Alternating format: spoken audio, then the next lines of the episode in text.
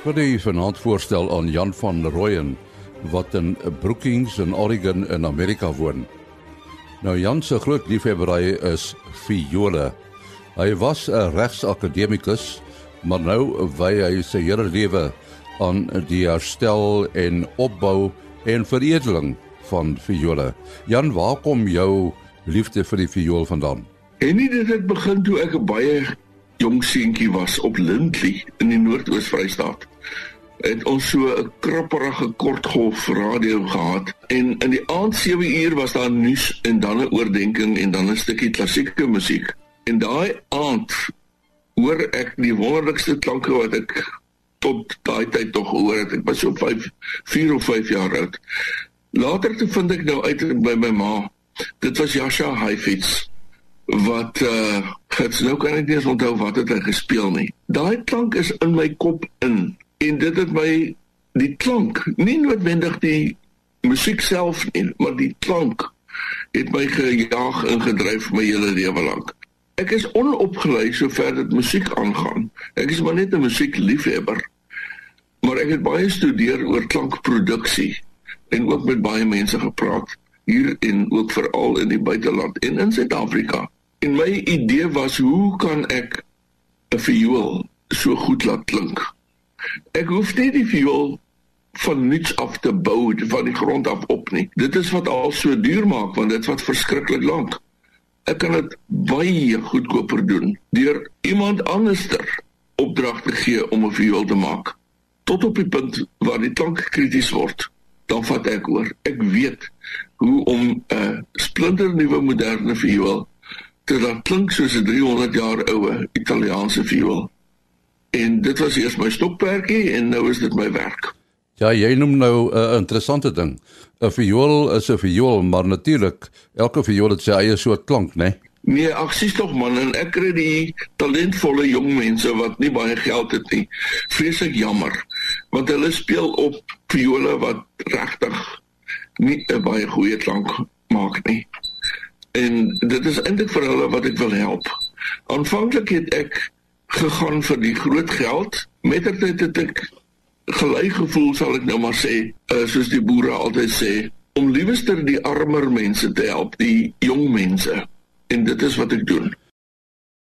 Die bekende violis Jasha Heifetz die uh, speel 'n besondere rol in jou lewe. Nou ons geluister na 'n tradisionele Amerikaanse melodie. Deep River. Uh, Jan, wat is vir jou besonder aan hierdie opname? Dit is maar 'n tradisionele ehm um, liedjie van Swart Amerika wat hy verwerk het vir die viool. Dis sy verwerking wat hy speel. En dit is 'n baie kort en baie eenvoudige liedjie. Maar as mens mooi luister, is daar baie diepsinnigheid daarin en waar dan nou met sy vioolspel geen woorde is nie moet mens luister na wat hy doen met die klank. Hy maak dat daai viool praat. Hy praat in 'n mens se hart in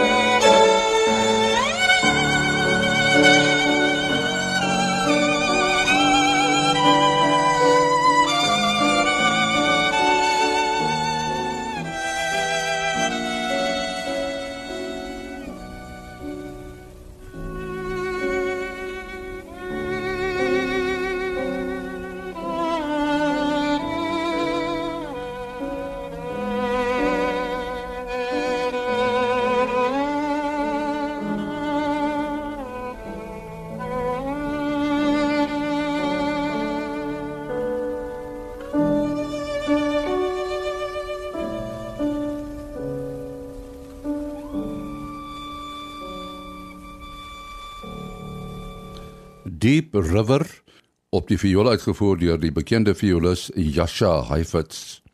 Nou Jan jy daar aan die begin gesê dat jy kry klaargemaakte viole dan veredel jy dit. Vertel 'n bietjie. Dit is die hele ding uh Henny. Vir my gaan dit net oor klank. En dit is eintlik ook my slagspreuk. Ons verkoop klank. Dit gaan nie vir my oor die werklike afkoms in geskiedenis van 'n viool wat die prys in die lug inskiet nie. Ek het 'n paar kontakte wat verby 'n viool sal maak. Ek gee nog steeds die spesifikasies van hoe dit moet lyk en hoe die hout moet wees en sovoorts die seleksie van die hout. Soms neem ek deel aan die seleksie van die hout. Dit moet baie goed verouderde hout wees. Maar hy maak dan vir my 'n viool tot op 'n punt. Dan kry ek dit. Op daardie stadium is dit maar eintlik 'n karkas van 'n viool. En dan begin ek ek maak ook my eie vernis. Ek veredel daai viool. Is die eerste keer wat ek daai woord gebruik wat jy gebruik het. Dit is 'n baie goeie woord, ja. Ek maak dit hy klink soos wat die klant gesê het hy wil dit hê. Want elke klant het alreeds 'n viool. Hy speel viool. Hmm. Nou moet ek verstaan hoekom is hy nie meer met sy viool tevrede nie. So dis 'n lang gesprek heen en weer en heen en weer want ek moet verstaan wat hy wil hê en dan moet ek dit uitvoer tot uitvoering bring. Dit kan vir my 3 maande vat op een enkele instrument om hom te laat klink soos wat die klant gesê het. Dit is nou sy droom viool se klank. Hulle laat my ook luister na na viole wat gespeel word. Soos byvoorbeeld iemand sal dalk hierdie ehm um, liedjie van Jasha Heifetz is vir my sê dit is die klank wat hy wil hê. Nou dis 'n baie diep en warm klank. amper 'n donker klank kan ek sê. Dan moet ek dit bewerkstellig. Of iemand laat vir my sê weer vir my ja, hy wil klink soos iemand anderster. Dan moet ek nou so veel maak en dit is dis moeilik. Maar vir my wonderlik want dit is waaroor dit gaan vir my. Dit gaan vir my oor die klank. Kom ons luister na een van die mense wat een van jou viole speel, Jefim Romanov. Ja, Jefim Romanov is 'n baie baie talentvolle jong Rus wat geëmigreer het na Amerika toe saam met sy ma. Hulle het in Orlando gewoon toe ons nog in Florida was. Dis so 2 ure van ons af gewees en hulle het na ons toe gekom met ou Jefimpie se elendige ou viooltjie maar hy was so talentvol. Sy onderwyser is ook 'n baie beroemde Russiese vioolonderwyser daar in Orlando. En toe het ek vir Jefim uh, viool kan ek sê dan veredel om vir hom die viool te gee wat hy oorgedroom het. En dit is basies dieselfde klank as wat ek later vir Joshua Bell aangebied het. Jy het van krag tot krag gegaan. Hy's nou 'n professionele violis in Miami. Uh speel oral rond, maak sy eie geld, doen baie goed, baie bekend ook geword tot in New York. Jefim Romanov speel 'n werk van Paganini. Dit is die Caprice nommer 21.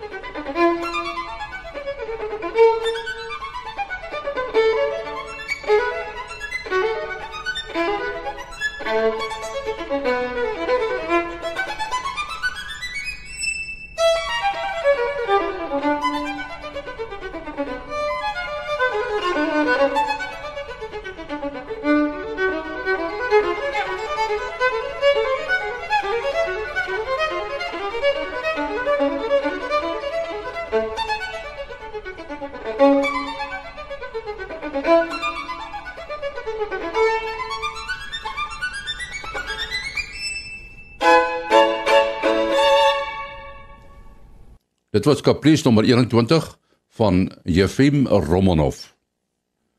Jan, jy het sy naam al genoem die van Joshua Bell. Hoe het jy en hy by mekaar uitgekom? En nie, hy het uh, was die gas hier by 'n beroemde musiekkamp vir jong mense een somer. Uh, wat ons ook bygewoon het. Ek het drie van my viole so toe gevat om daar vir die kinders te wys. Toe sê my vrou Anna vir my: "Gaan wys dit ook vir Joshua Bell." Ek sê vir Anna, ag Anna, honderde ou mans het al seker hulle vir Jola vir hom gevat. Hy sal so verveeld wees. Anna sê vir my, jy kan niks verloor nie. Wel ek gaan toe. Ontmoet hom agter die skerms. Hy het tyd, hy's uiters vriendelik en gemoedkomend. Hy speel die drie viola en hy vat een en hy sê, "Is hierdie een te koop?" Ek sê, "Ja, alreeds te koop." Hy sê, "Maar hy wil hierdie een hê." Ek sê vir hom, Joshua Bell, hoekom wil jy hom hê? Hy sê vir my want hy het die klank van 'n 300 jaar oud Italiaanse viool. Ek sê dit is goeie nuus. Ek sê wil jy hom sommer nou hou? En dan kan jy my maar betaal wanneer jy wil. Nee sê hy, hy vlieg nou na hierdie kamp vlieg hy Korea toe. Hy gee vir my sy sekretaresse se nommer. Hy sê ek moet haar bel. Dan bring ek vir hom die viool New York toe. Mettertyd dat hierdie was nou in Julie, daai November toe gaan ons New York toe. En ontmoet hom in New York waar hy weer baie op die viool speel. En uiteindelik gee hy vir my 'n getuigskrif wat my heeltemal uit die veld uitgeslaan het. Ek het die getuigskrif op my Facebook waarin hy sê dat hy's baie tevrede met die klank, dit klink soos 'n ou Italiaanse viool en baie billike prys en hy sal altyd jong mense aanmoedig om na my toe te kom vir 'n topkwaliteit klank viool. En daardie kan ek nou maar sê getuigskrif van hom het my eintlik 'n groot sprong voorwaarts gegee. Want skielik het ek meer versoeke gekry vir viole as wat ek maklik kon doen. Ek het feitelik dag en nag gewerk. Maar gelukkig toe was ek nog jonk. Kom ons luister nou na Joshua Bell. Dit is nou nie op die viool wat uh, wat hy by jou gekry het nie, maar uh, hy speel die Hongaarse dans nommer 1 van Brahms.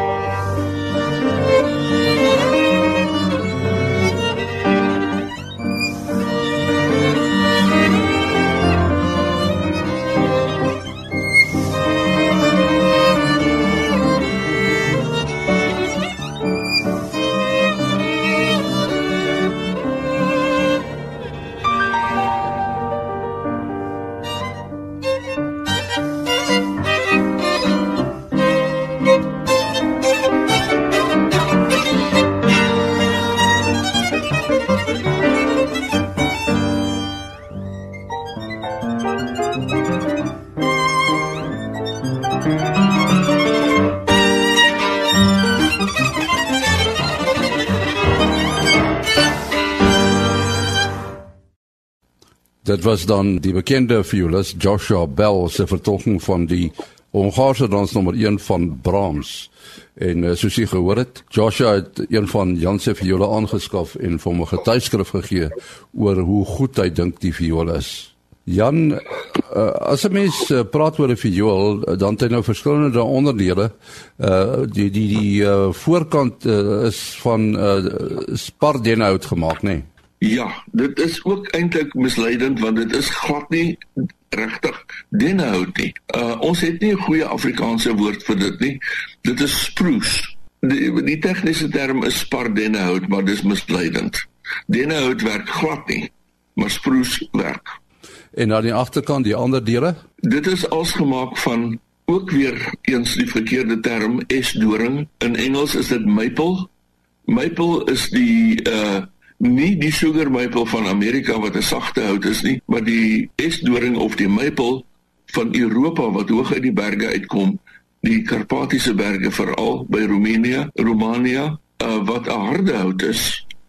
En dit is noodsaaklik dat alle hout waarvan die viool gebou is, moet behoorlik verouderd wees. Nie in 'n oond nie, maar op mekaar gepak buite in die wind en weer, somer, winter.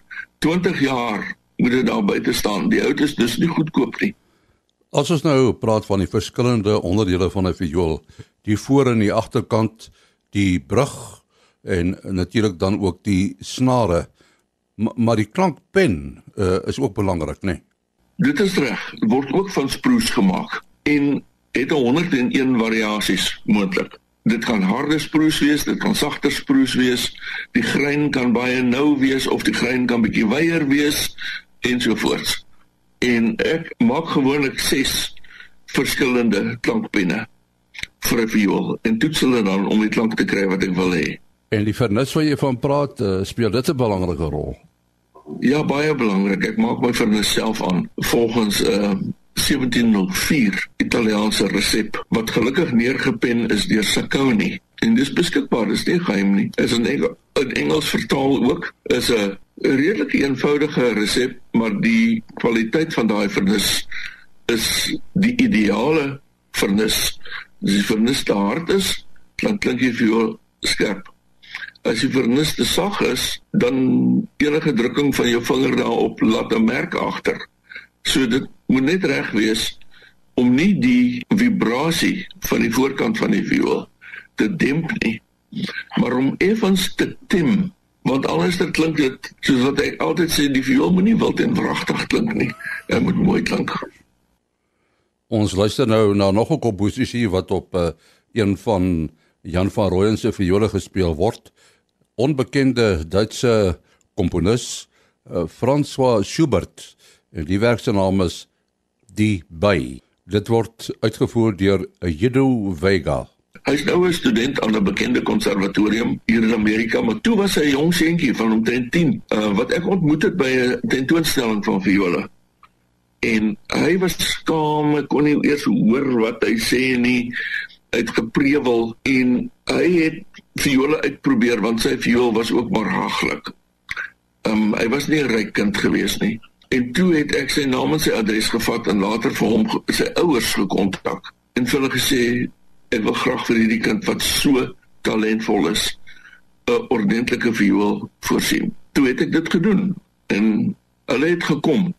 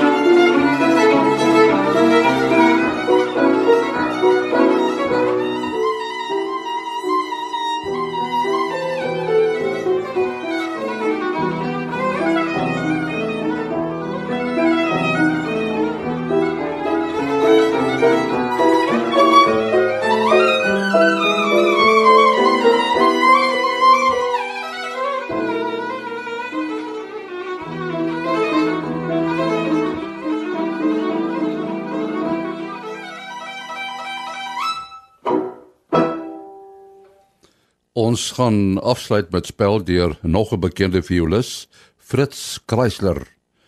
Hy speel die liedere wat my moeder my geleer het van Dvorak.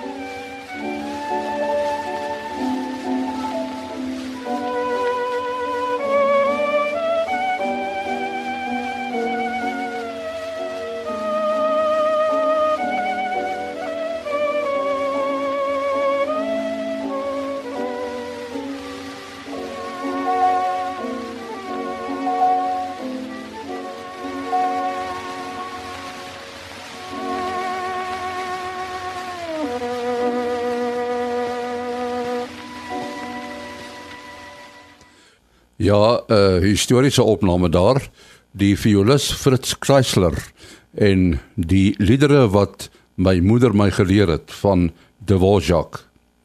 En daarmee moet ons ook groet en totsiens sê aan Jan van Rooyen daar in Brookings, Oregon in die FSA en het gehoor sy passie is viole.